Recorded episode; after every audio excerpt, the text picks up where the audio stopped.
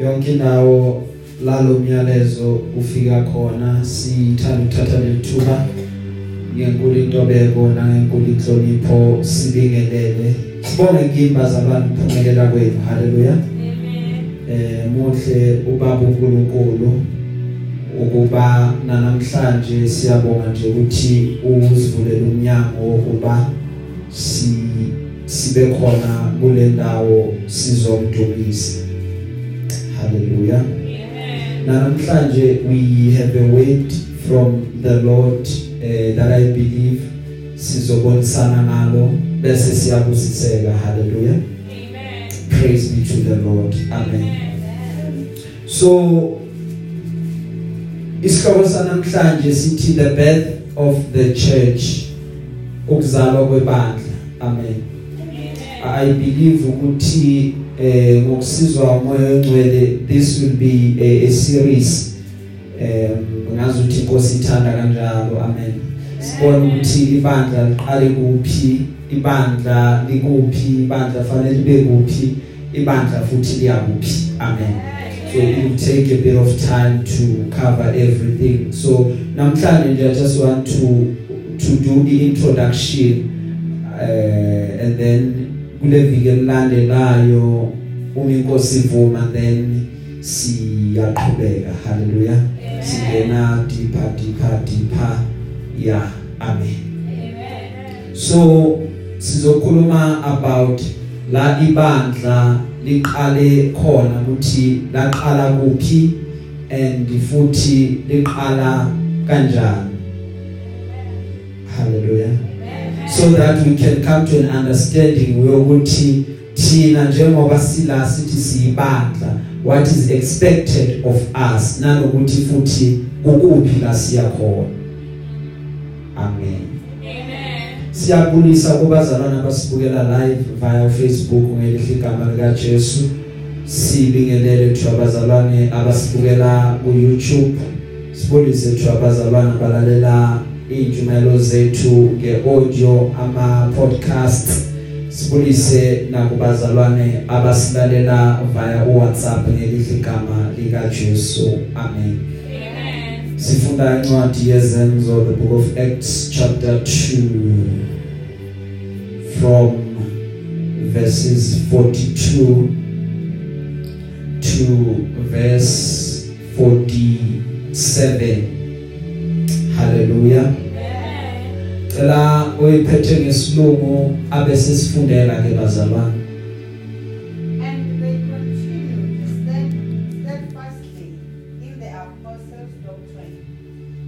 they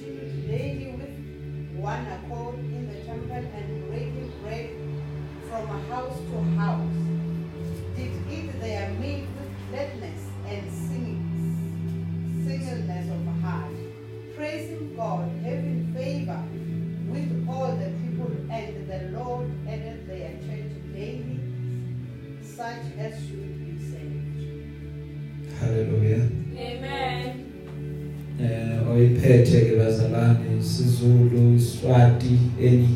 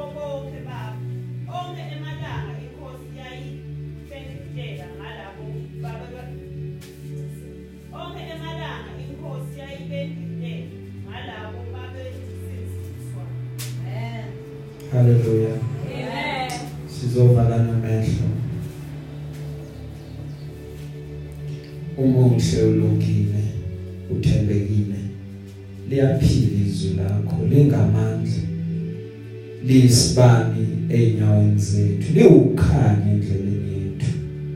Khuluma ngalo inhliziyo zethu zomele ilambele ukuzwa wena ukhulumisana nathi. Siyakubonga ngezwi lakho. Siyakubonga uNkulunkulu wethu ngozokwenza kule ndawo nangalesi sikhathi. Thatha udumo ke namanje.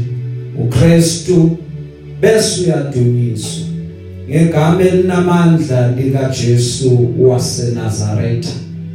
Ngigcobe ke uNkulunkulu wami khulume only imfihle ivela kuwe. Ngakhuluma ukwazi nokufisa kwami kepha ngikhuluma inhliziyo yakho. Ngegama elinamandla lika Jesu waseNazaretha sithulisa konke ukuxokozela kule ndawo.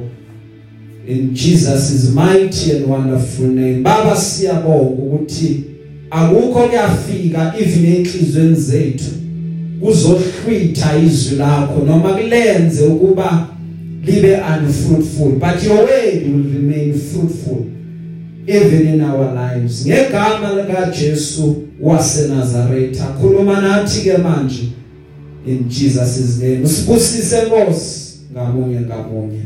Ngayo Jesu Kristu lo inkosi yethu amen. Haleluya bazalwane eh la sifunda khona sifunda indaba. Lithi iBhayibheli kulele ngilifundayo the the believers form a community. And then eh elinye lithi ibandla lase Jerusalem haleluya. So la sifunda khona bazalwane it's not only about ibandla. Amen. But la sifunda khona it's the start of the church. Hallelujah. Uma ulifunda iBhayibheli from the Old Testament uqhubeke nalo uze uze you will notice something. You will understand one thing ukuba eqaleni ibandla lalikade lingekho. What was there? Yes there was a gathering. Yes abantu bebaya kusinagogue but that communal gathering of ibandla eline pattern noma enemthetho lalikade lingekho. Amen. Yonke into kwakumele ukuba iye via umprofeti noma iye via umpriest omkhulu ophethe ngaleso sikhathi noma ophethe kulelo bandla. Haleluya bazalwane. So uma abantu badinga imkhuleko bebaye etempelini yes. But izwi will come from lo ongaphambili. Either umpriest either umprofeti hallelujah. And then this thing continued for generations and it continued for generations to a point la abantu benza khona izono uma abantu sebawele esonweni benza ini isono then kwafanele ukuthi lokhu qhubeka njalo uNkulunkulu eze nepattern because uNkulunkulu uma simbuka is a god osebenza ngepattern noma he is a hierarchical god uma singabiza kanjalo uNkulunkulu osebenza ngokwe hierarchy uma uma edala umuntu wesilisa nowesifazane uyasho ukuthi indoda iyakuba yini inhloko yalowesifazane lowesifazane ungumsizi. And then uma kuhamba hamba isikhathi iqhubeka Yesu understand ukuthi owesilisa uyinhloko then owesifazane ungumsizi walowesilisa. Then kuyabonakala ukuthi kunento eshodayo kule hierarchy. And then uma sekuthulwe uKristu ku New Testament selithi ke iBhayibheli uKristu uyinhloko yalowesilisa. Then lo wesilisa uyaqhubeka abe inhloko yalowesifazane. Yingani kukanjalo? Yingoba uNkulunkulu izinto azenzayo ufuna ukuthi kube khona a certain kind of a pattern or a certain kind of i-order so that yonke into izoflowa accordingly. So that is why kuba khona imithetho ebekiwe ukuthi landela lokhu uyophila. Uma ungalandeli lokhu kusho ukuthi uyokwenza njani? Uyawukufa why? Because usuphule lo mthetho lo obekiwe. But uma ulandela lo mthetho uyakhona ukuthi impilo yakho ibe preserved. Why? Because ulandela a certain kind of a pattern that the Lord has laid before your very eyes. So from dala kuTestament elidala uqhubeka kanjalo uNkulunkulu has formed a pattern and then he gives it to abantu. One of the the reasons eh, abathi uNkulunkulu wahambisa uIsrael for 40 years was bekafuna ukuba iGibhithe liphume engqondweni zabo. Because into ebekade babambe kakhulu bengasikuthi okay sosheshe sifike sijamu ukufika cha. But ipattern ukwenza wababhalela imithetho eyishumi landelani nayo imithetho so that ingqondo zenu zizoshintsha. It's not so much about ukubakhipha eGibhithe but okubalekile ukuthi kuphume eGibhithe kubona. Ngoba ungaphuma eGibhithe. But iGibhithe lingaphumi kuwe. Uzofana nanokuthi usesekhona phakathi. That's why incwadi yamaHebheru ithi had they been mindful of the place abaphume kuyo no doubt they would have found themselves sebabuyele phakathi. Hallelujah. Now kuba khona isinagogi. La abantu behlanganyela khona. Kuba khona indawo la beza khona bazoletha imkhuleko yabo. After the fall of man ukhumbule izono zibaziningi kuze kuza uzamxolo imvula enkulu izobulala abantu. Uma sekufika uzamxolo lithi iBhayibheli uNkulunkulu uyayisola ukuthi abantu babulalele kanjani then there had to be a kind of a pattern that gets designed. So that abantu bazosinda abantu basizakala uIsrael uyahamba uyongena ebugqilini. uIsrayeli uyakhala kuJehova ukuthi lo bugqila buyasilimaza. Uma ekhala uNkulunkulu uthi I'm using a kind of a pattern and I need that pattern ukuthi iba deliver noma ibakhiphe kulento abangene kuyo abayithola abaphakathi kwayo. Now I cannot uh, do anything unless I send someone. Ngoba every time uNkulunkulu ezokwenza okuthile kunomuntu amthumelayo. Now lithi ke iBhayibheli uMose eluse umhlambi wadibana noNkulunkulu. Maqeda wabona isihlahla esivutha singapheli kanti it's an appointment time. It's a divine appointment. Maqeda uNkulunkulu wakhuluma noMose. Wathi Mose ngizwile ukukhala kwabantwana bami. Hamba uye eGibhithe then ufike khona. Maqeda bese uyabakhulula.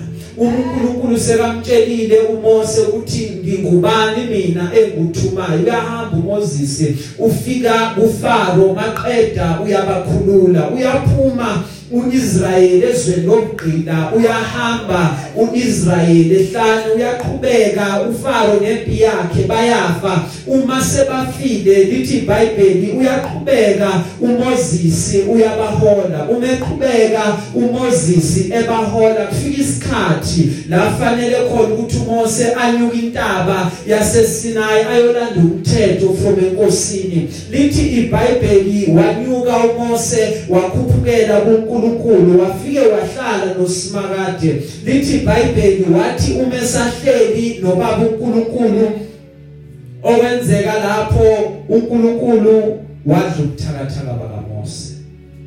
uMose wadla uNkulunkulu bakaNkulunkulu.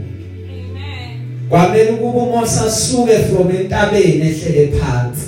uMose lithi iBhayibheli bekade angaziboni.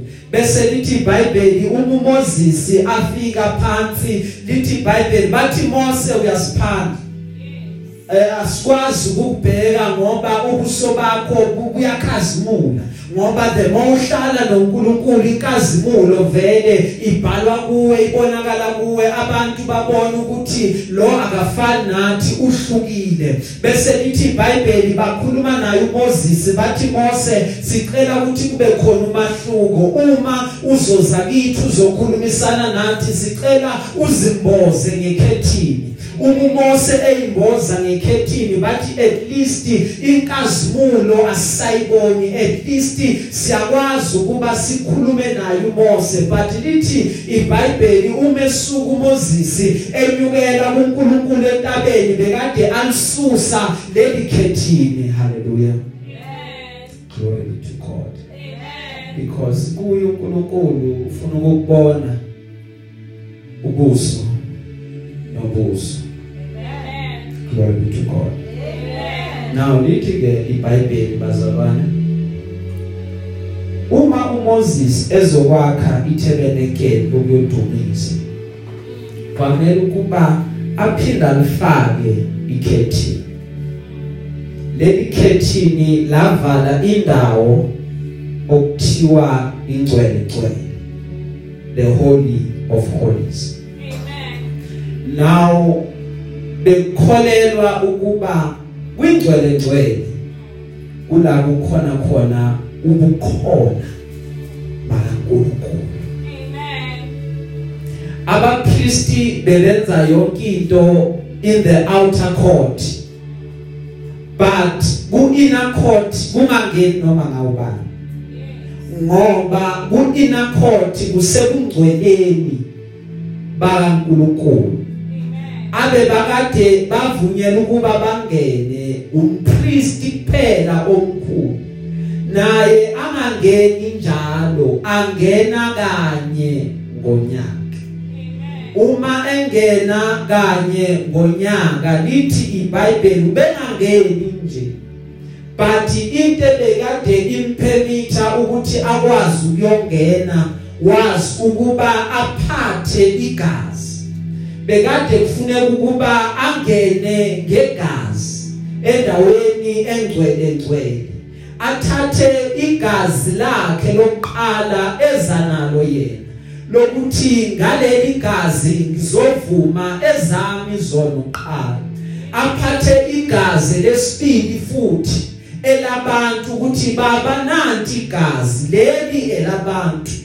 Ngizobacelela intethelelo ngoba ngiyazi ukuba bonile nawo maqeda bese uyangena kwingcwele ngcwele haleluya.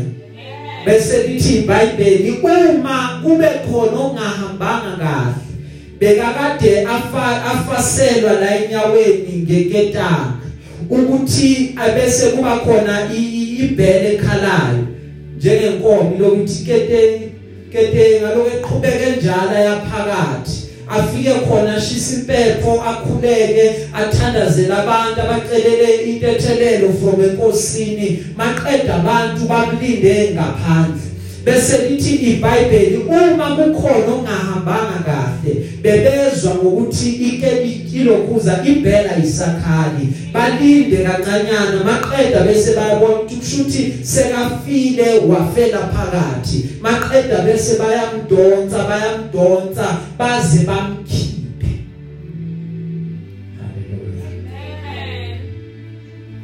yaqhubeka kanjalo that petty but it became a problem because abantu bebaqhubeka bona so leli gazi leyimbuzi neleyinkuku ebekade lisetshenziswa neleyinkomo kwabonakala ukuba alinamandla Amen. and ibandla alikakaqala Amen. haleluya Amen. baya esinagogweni baya ethempelini bayaya bayokhuleka but the church the community the work of the church awaqala. Amen. amen. Amen. bongaya kumprofeti ayedwa. Prophet ngicela ukuthi ungikhulekele akukhulekele ayedwa. Maqeda wamkela imiracle yakho owesifazane waseshune benganasonto lapha kwakhe. Ngenkathi kufika umprofeti hae zabavule sonto. Benganankonzo kwakhe. But bamkhulelela kwakhe bathi kuye ngalesikhathi ngonyaka ozayo uzakuphethe umntwana. Haleluya. So uyabona bongaya kuprofeti kwenzeka izinto. But the community of believers was not there. The community of believers was not formed. Igroup likade khona. Isizwe bekade sikhona. But their focus was ukulandela umprofeti ophambi kwamehlaba uma uIsrael ekhuluma noMose bebavele bathi sikhulumele noNkulunkulu wakho. Maqeda senze lokuthile. Sikhulumele noSimakade. Maqeda kube khona into eyenzakala. So all their hopes bawathatha bawaplace on the shoulders of one person. Amen. Okay. Kwaqhubeka kanjalo kwaqhubeka. Kanjalo. Baba khona ba prophet because when you read testament elidala it's ikhuluma kakhulu ngaba prophet angithi. Ivela aba propheti abakhulu nabancane kanjalo kanjalo. Then it got to a point la kuzongena khona uKristu. Amen. Amen. eTestamentini elisha. Uma uKristu efika uyafika isetting was kunababali Yes. kunabafiri kunabafarisi kunabantu abazomthetho kunabantu okabapriest asizwa kakhulu kuTestament elisha ukuthi bekade kunabaprofeti Amen. haleluya Amen. kuba ngazuthi the voice of the prophets yathulisa over some time. Amen. Amen. uma kusathulile kanjalo then kuvela ovangelayo uJohn uyavangela uthi at the voice in the wilderness. Ngihamba nje ngiyizwe limemeze ehlane ukuthi abantu mabaphenduke ngoba umbuso wenkosi ususemnyama. Amen. uyavangela uyashumayela. Maqeda uJesu naye uyafika uqala yakhe ministry manje ngoJesu kuba nalento ethi man because abaprofeti bengazuthi basathulile Yes. yingazuthi nayo uJesu ungumprofeti yingazuthi ufana noMose because into iphethe yokusebenza kwakhe. Baqaphela uMose babona uMose kuyo then kwaba khona lezi zinto ezihlukayo that is why uma bekhuluma naye bathi umthetho kaMose uthi wena uthi. Bese the more eqhubeka athi a a mina ngithi ngiyawazi umthetho uthi mina ngithi. Bese badala uyaqualify lo lo uyaqualify ukuthi lo sobulala ngoba uphambene nalento esiyazi yabo lo? Lo uzofa njengasidala ngoba lento esimtshela yona uyaphambana. Amen. amen bazalwane. Amen.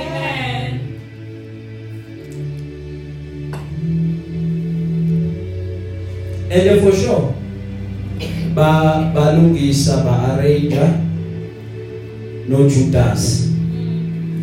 Uma beqeda wathathwa uJesu sekafikile wabafundisa. Waba nabantu abamlandelayo waba nesixuku esimlandelayo. Sekabafundisile konke. Bahlala abanye wazi wabaxosha wathi hambana ngithi ngibonile. Bahambile nisafunani bathi ana lesithola kuyihlukile itholakala kwenye indawo. So masuka kuwe kahle kahle ukuphi la khona? Ngathi okay hayi futhi bayimisele laba bafuna ukuhlala baqhubeka ke bahlala Amen. wabona into eyodwa uJesu ukuthi kunamandla angakangeni kubo bayathanda ukuhlala bayayifuna lento bayilambele lento but kunamandla abanga- abangakamkeliswa wona. Wathi umekhuluma nabo wathi hlalane eJerusalem nize ningasuki because kunamandla efanele ukuba afike kunini then mase kufikile amandla nizokwazi ukuthi niqhubeke nihambe niyokwenza konke lokho efanele ukuba niyokwenza. Wathumelenga esiphambanweni lithi iBhayibheli uPeter wamphika ngoba besekade etsheliwe ukuthi wena Peter noma ungathi uyamthanda umthanda kakhulu but lothi lingakakhali kathathi iqhude ubusumphikile washo ngempela wathi lo angimazi. And mina vela ngiyangimblame uPeter ngoba lo bekadamazi unamandla usomandla igama lakhe. Akamazi lo mthakathaka. Uyaqala vele nje ukumbona. Uma uma umelenga lapha esiphambanweni wathi uPeter hayi lo mina ngimazi because iyodwa into engiyaziyo umsithe uma sikhuluma wathiwa uzosikhulula sathemba ukuthi embusweni wamaRoma uyo uyakusikhulula. Ngoba usibuzile nangeinkembe ukuthi siyiphethe. Sathe empini siyaya ukufa siyakufela. La ufa khona siyakufa khona. So lo kuthakathaka vela simazi lo esesiphambanweni siyaqala nje ukumbona ngoba ubengabizi inkulungwane yengelosi ukuba zize zizomkhulula at one command ubengakhuluma nenda angithi ngenkathi nezivunguvungu wakhuluma nomoya wa wathi moya thula uthi du bese babuzana umbuzo ukuthi kanti ungubani lo? Ngoba nendalo iyamlalela. Ngelinye ilanga gibele ithole lembongolo lithi iBhayibheli ezongena eJerusalema. Lithi iBhayibheli bavuka bathi mabathule laba bantu. Wathi bekhuluma bethule yeniyovusa manje. Ngoba indalo kakade vele iyamuzwa indalo kakade vele iyamlalela. Ungulizo lalelwa. indalo manje vele uzo uzomazi njani uPeter lo obuthakathaka? Uyomazi njani lo ongakhiphanga command? Ngoba uyakhumbula lesaselelelesi sakhuluma naye sathuma uNkulunkulu. Zisindisiqedwe sindise nathi uma unamandla ngoba uyakwazi ngoba ngizwile mani bathi kukhona indoda ekwazi ukuvula amehlo impumputhe ingaboni kunendoda ekwazi ukusukumisa ishosha kunendoda ekwazi ukukhansela umngcwabo kunendoda ekwazi ukukhuluma izwi umuntu asefile maqeda bese uyaphila. Ingani wena ungakwazi ukuthi uphilise wena? Maqeda bese uphilisa thina. Uvuma kanjani ukuthi ube buthakathaka? Uvuma njani ingabe nguye yini vele uNkulunkulu uthula njani haleluya Amen. Eh, ngoba siyabuza phela kanti inkosi uthule njani Yeah. nginyali eyingehlela Yeah. uthu uthuleleni uNkulunkulu Yeah. Yeah. Yeah. baze bakompoze neingoma vele bawuthuleleni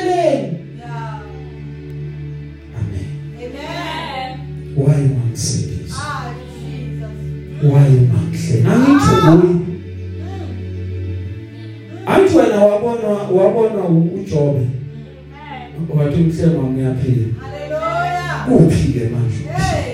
Hey. amen Amen. mawungabuzanga wena khona abantu abazobuza baseduze kwakho Yeah. Yeah. Yeah. uthe uyakholwa kuphi ukukholwa kwakhe Yes. haleluya Amen. lithi iBhayibheli esesiphambanweni into enkulu ebekade ikhona was ukusindisa Amen. into enkulu eyayikade ikhona was to save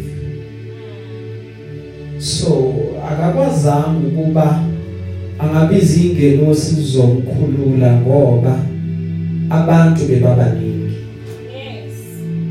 the agenda or the mandate had to be carried out Amen. Amen. at all costs Amen. uma kubiza ukuphila kwakhe. Hey amen. Kwakumele ukuba akusacrifice. Haleluya amen. Lithi iBhayibheli esalene siphambanweni lezelele sezimbili zaphulwa amathambo. Uma seyiphulwa amathambo induna yekhulu yathi ningamphuli lo ngisamhlola kune test efanele ukuba ayiphase Amen. bathathu abalengayo but uhlukile lo Amen. ngiyabona that's why even phezulu ekhanda lakhe bekade kunombhalo Amen. othi lo uyinkosi Ah. glory to wamhlola. Uma emhlola nje iso lakhe lalikade lingabona elilodwa akwazi ukubona ngelihle liwa. Waqhubeka wamhlola. Wathi umeqeda wa- wahosha inkemba yakhe. Wamhlaba ohlangothini? Uma emhlaba ohlangothini bekade enzani Genesis chapter 1 creation of abantu Hallelujah. walalisa ubuthongo Adam. Jesus. wafika uNkulunkulu. Jesus. wazokwenza ioperation kuAdam Hallelujah. wamhlinza uNkulunkulu ohlangothini wakhipha ubambo. Wathatha ubambo kuAdam. Wayohlala phansi usimakade. Wabumba wakha uEva maqeda wathi laba babusisiwe. Hallelujah. So the first operation awayenza kumuntu wesilisa kwamele ukuba ku- ku ku first Adam kwamele ukuba ayoyiphinda ku second Adam okunguKristu Amen. so that ibandla lizozaleka ngoba esehlatshiwe ohlangothini. Ngoba lento eyenzeka kuye ngenkathi sesiphambanweni yinto eyenzeka uma owesifazane ezozala. Uqala kuphuma amanzi maqeda bese kuphuma igazi. Now why iphuma amanzi? What is the significance yokuphuma kwamanzi? It is ukuba amanzi uma ephuma water is life. So it is the source of life. Amen. so that source of life umiphuma it meant ukuthi the source of life is flowing. It's flowing from the son of god to the people of the world. That is why kwaphuma amanzi that is why umekhuluma athi ophuza kimi ngoba mina ngiwumthombo. Ophuza kimi kuba nemthombo egobhozayo akaphinde Amen. Now uma sekuphumile amanzi the next thing elandelayo kuphuma igazi. The significance yokuphuma kwegazi is irredemption noma kuba abantu basinde. Haleluya Amen. so ukusindiswa kulele egazini. Ngiyaye ngithi mangilifunda iBhayibheli bengaphuma amanzi kuphela. Haleluya why uNkulunkulu wenza ukuthi kuphume negazi it's because iblood redeems igazi liyahlanza. Even emzimbeni wakho igazi lakho it always layipurify lona. Mangcolile liyayiguqula lona. Kuyayethiwe uma umuntu se- segula segula serious kula sekudingeka imishini yabodokotela but impilo yakhe throughout life igazi lokuyipurify lona likhipha ukungcola lilokuliguqula kanjalo nje. Why? Because blood egazini kula impilo yethu ifihlwe khona. Amen. that is why umzimba wethu wenziwe izinto ezimbili amafluid ama- amabili kakhulu amanzi kanye negazi. Well, one- once you lose igazi eliningi uyafa nokufa. Once you lose igazi eliningi awubi namandla? Phelelwa amandla. Once you lose amanzi amaningi uphelelwa amandla. Awubi namandla? Because impilo yethu ilele lapha egazini. Impilo yethu ilele lapha emanzini. Lithi ke iBhayibheli wathi salenga esiphambanweni sekuphumile igazi baphuma amanzi.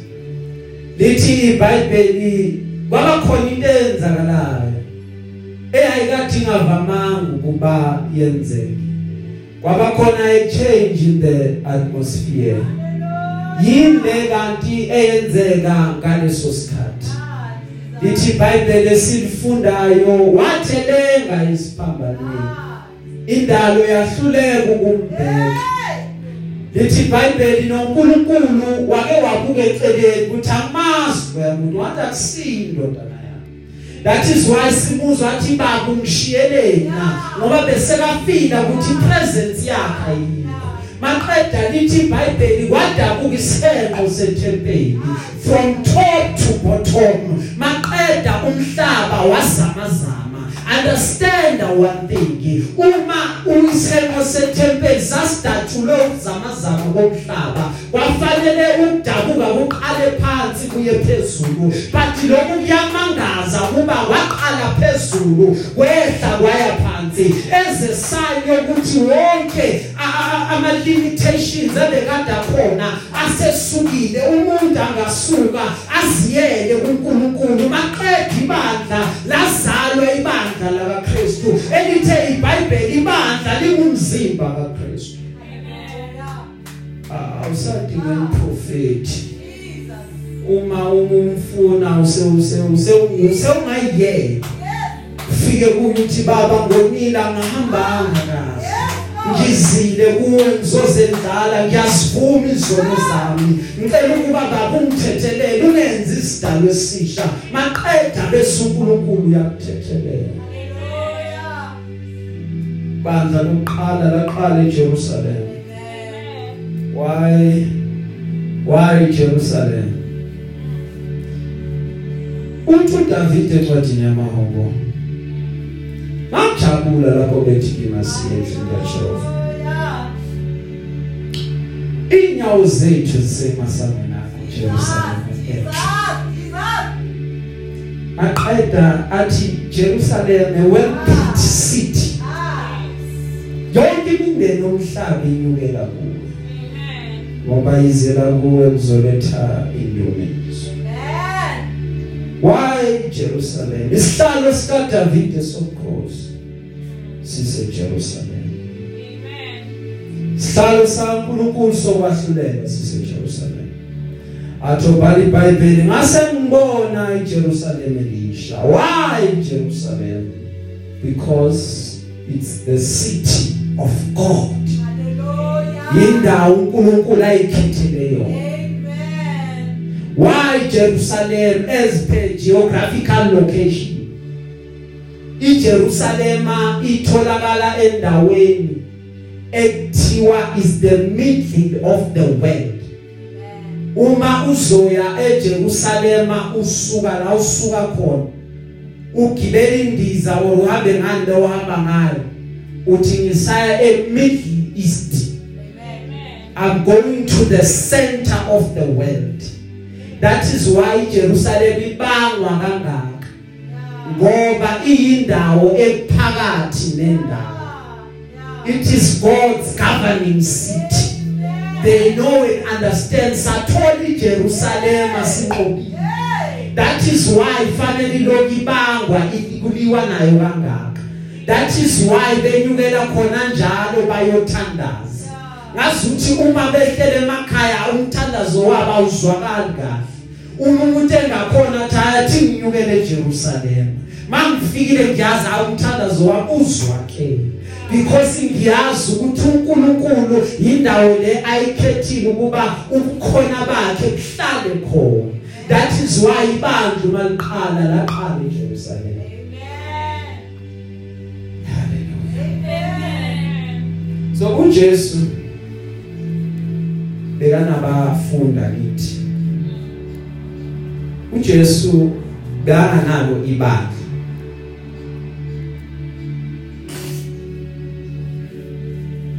Hallelujah. Amen. and uh, abafundi baka Jesu they were not Christians. Amen. Bengasiba bazalwane why kuthiwa thina sama Christians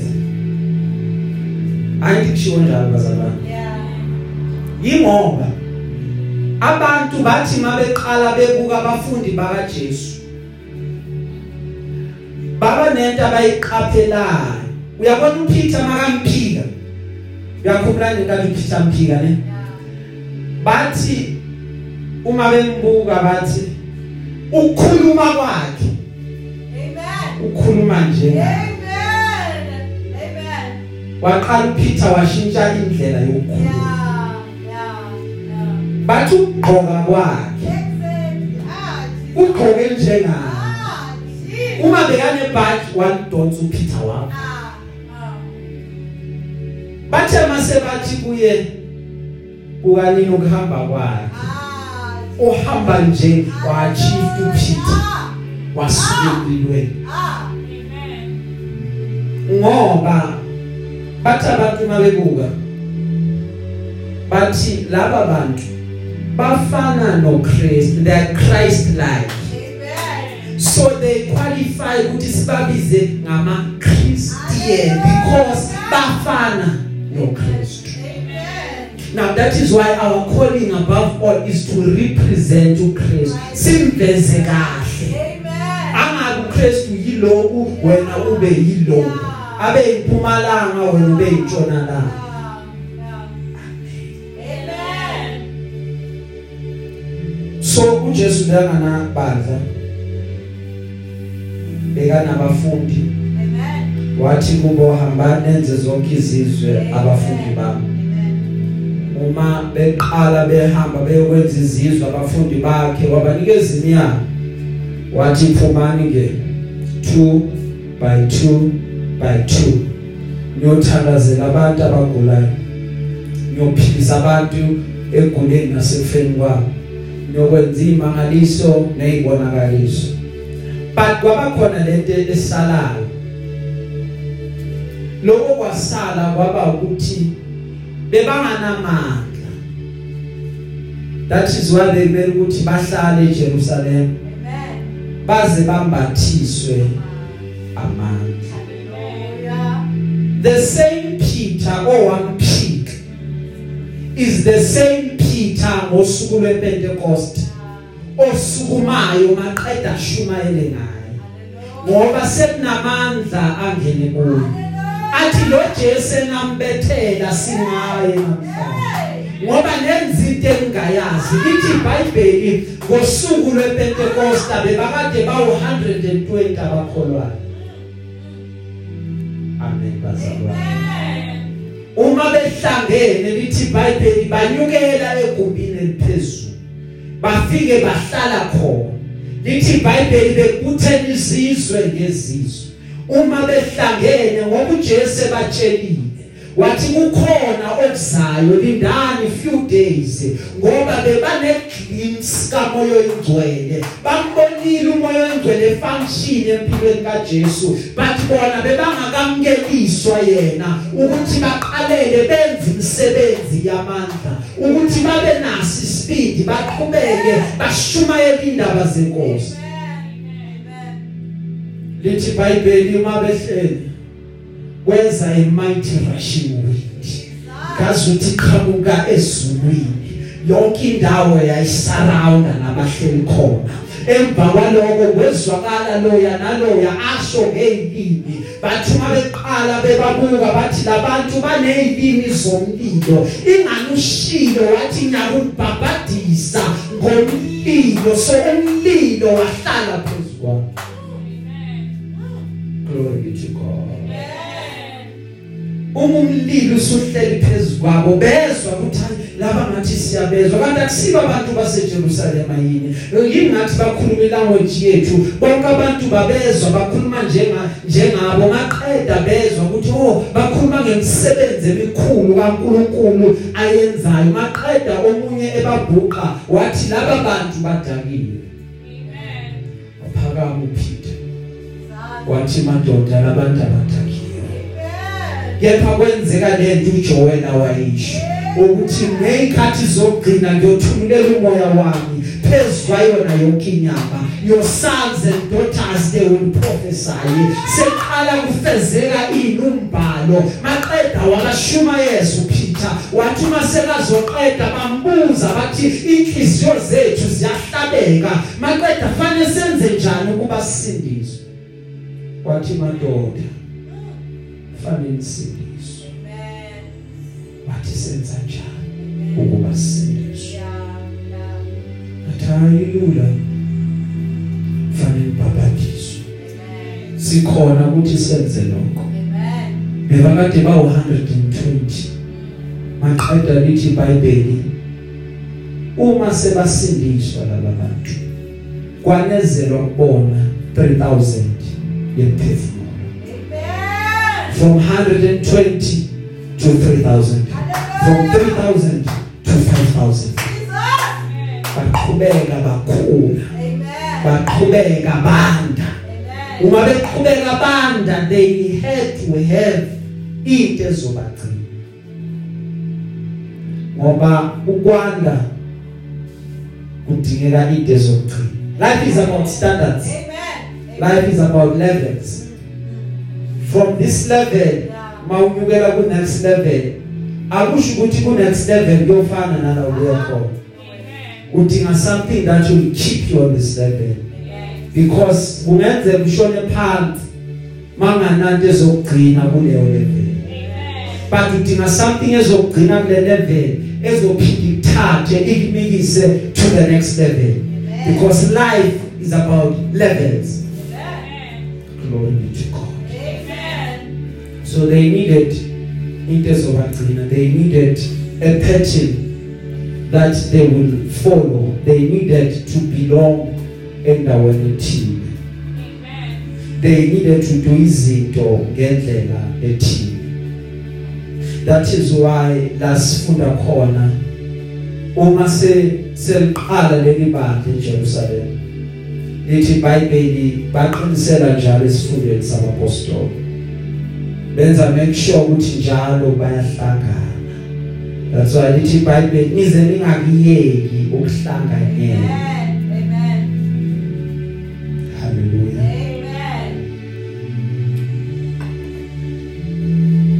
Siqinisela njani esifundisweni sabapostoli?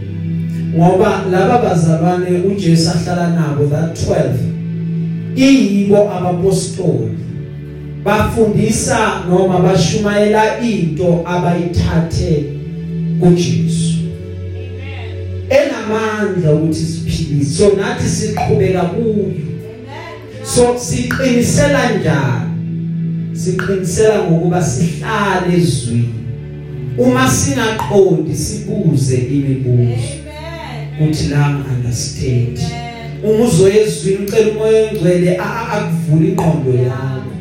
So that uzoba neunderstanding ukuthi izwi lakhe liqonde ukuthini so that uzokwazi ukuqinisela ezwini uzokwazi uqinisela isifundisweni ngoba isifundiso yinto efanele ukuyibambe ubambelele kuyo uqhubeke uphile ngayo.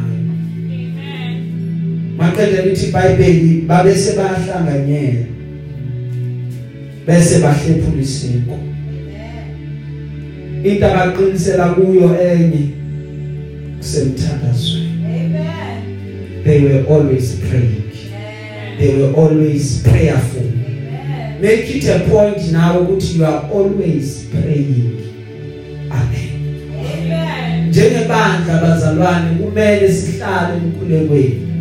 Kahle kahle vele kakade vele asiyazi into esingayikhulekela. Amen.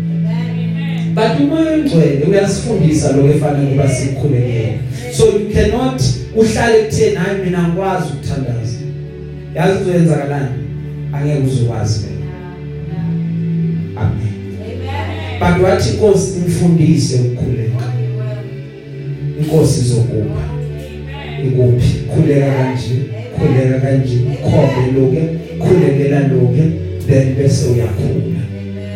Akekho umuntu ozalwe azi. Sonke sizalwe sikazi. But i defining factor ukuthi uyafuna yini ukwazi noma ubona ulungile ngalendlela ongayo. Lithi iBhayibheli uma beqhubeka bemkhonza uNkulunkulu behlela ukwesaba okukhulu. Ngoba uma uhambe naye isikhathi uhambe naye ngokuthembeka ibandla lalikade liqala lehamba naye. Limile ezimisweni zabapostoli. Kuvuka ukwesaba kuwe you serve God with fear and trembling. Awuzi kuye ngenjwayelo ukuthi sengimjwayele. Ngiyamaza. Uza with fear and trembling. Uthi lokho engizokwenzela inkosi ngizokwenza kahle. I will carry it out effectively kahle with excellence. Why? Ngoba ngiyamsaba. uNkulunkulu into efanele kuba ibuyiswe kuleli bandla la namhlanje ukumesaba uNkulunkulu ukuthi yonke into esiyenzayo let us do it with fear for the Lord. Singenzi into ngoba sijwayele siyayazi noma sesize sinamagama ukuthi noma ubone ukuthi akuvumi uzothatha into efudunyeziwe uyoyinikeza abantu ngoba kumele ukuyenza. But serve God fearfully.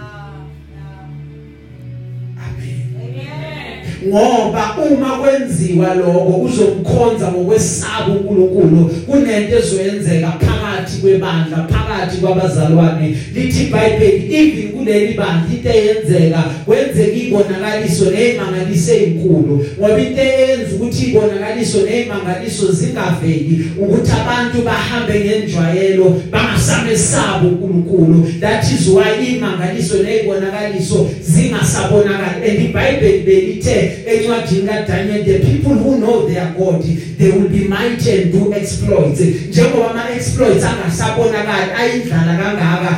Ingoba abantu bahambe ngokwejwayela bathi uNkulunkulu asamsabi ngoba yinse siyamazi ukuthi masenza kanje wenzeka kanjena. Abantu bayakitazeka kuba ama emotions kuphela maqeda bese siyasuka. But indlela ebefanele kuba simkhonze ngayo ukuthi masifikile kuye size ngokumesaba ukuthi baba siyakwesaba.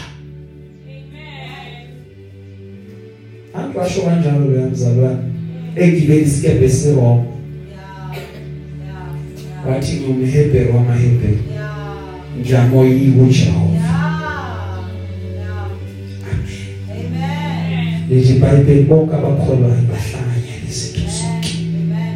Benza konke bamunye into into eyakusigcina into uNkulunkulu ayifune bandleni ukuba sibe one heart one accord. Kungabonakala okunye ngazi ukuthi ungcono kunomunye but one heart. Lithi iBhayibheli baze bathengisa ngeimpahla zabo ngemfuyo yabo so that bazonakekelana. Banakekelane bonke njengangokwezidingo zabo ngobande we one heart ukuze phakathi kwethu kungabonakala oswele ukuthi lo uswele makangabonakala umsebenzi webandla lo lithi uvala uhlazo. Asebenzi ukuexpose amahlazo abantu hayi sizolivala. Amen. Lithi iBhayibheli baqinisela ethempelini ngenhliziyo yodwa ekhaya babekade bahlephula isiko ekhaya bebakukhumbula uJesu ngomsebenzi awenzile. Yonke into it was pointing to Christ. The birth of the church pointed everything to Christ. Ukuze sihambe endleleni efanelekile nelungile imisebenzi yethu esiyenzayo let it point everything back to Christ. Ingaveli kithi ingakhombi thina but mayikhombe Kristu glory be to God. Bese lithi iBhayibheli baqhubeka bamdumisa uNkulunkulu. Kubantu bonke bathandeka kubantu bonke bababona kungabantu efanele kuba bafane nabo maqedwe lithi iBhayibheli day by day. uNkulunkulu was adding imphefumulo. Ngoba umsebenzi abawenzayo uyathandeka. Haleluya ibandla linomsebenzi.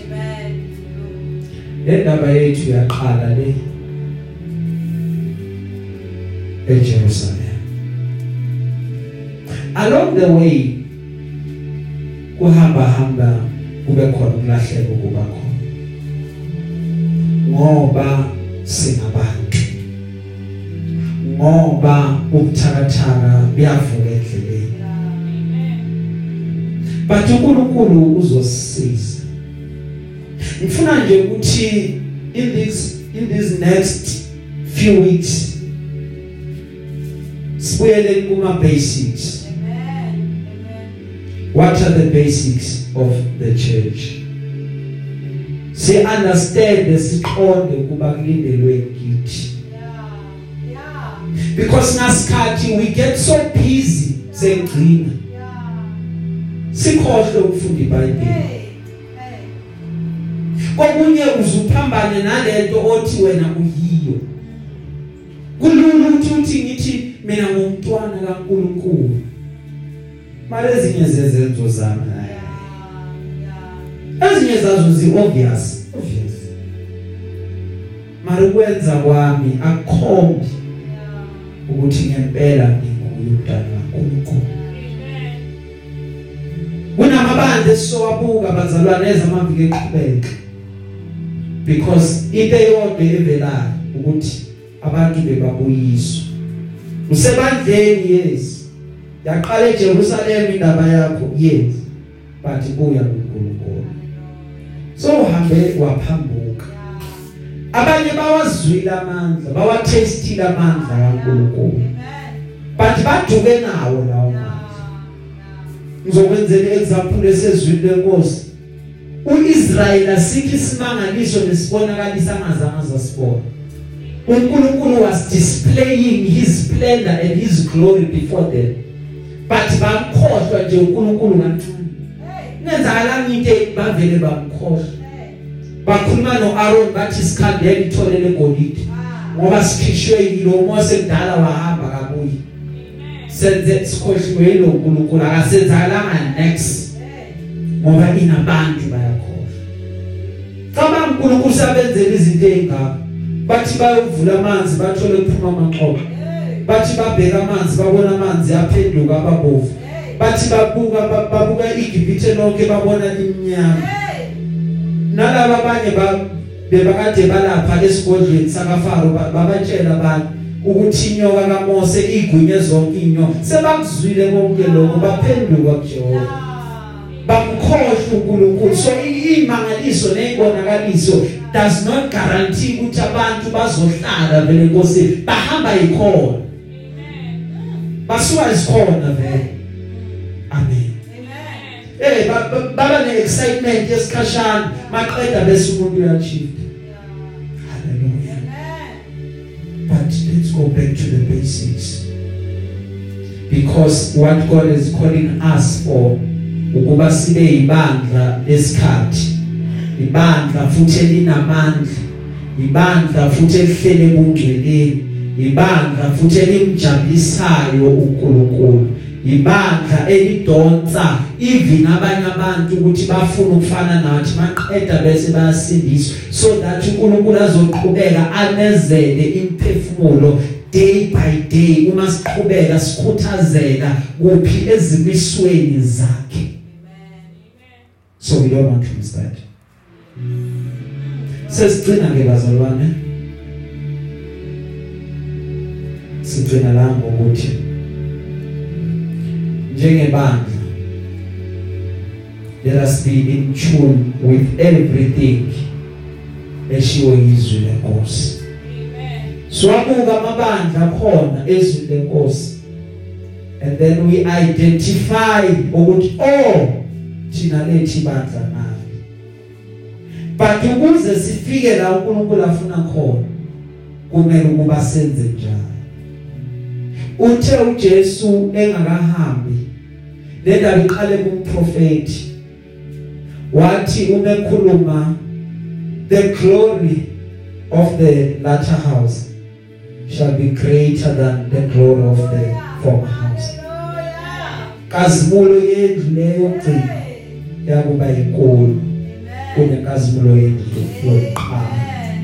Wathi uJesu nekhuluma mina niyokwenza imangaliso ezinkulu ukudlula lezi mina engizenzile Amen.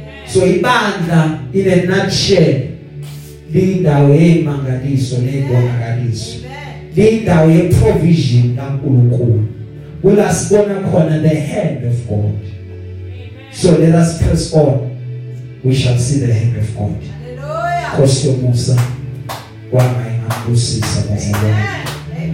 Glory be to God.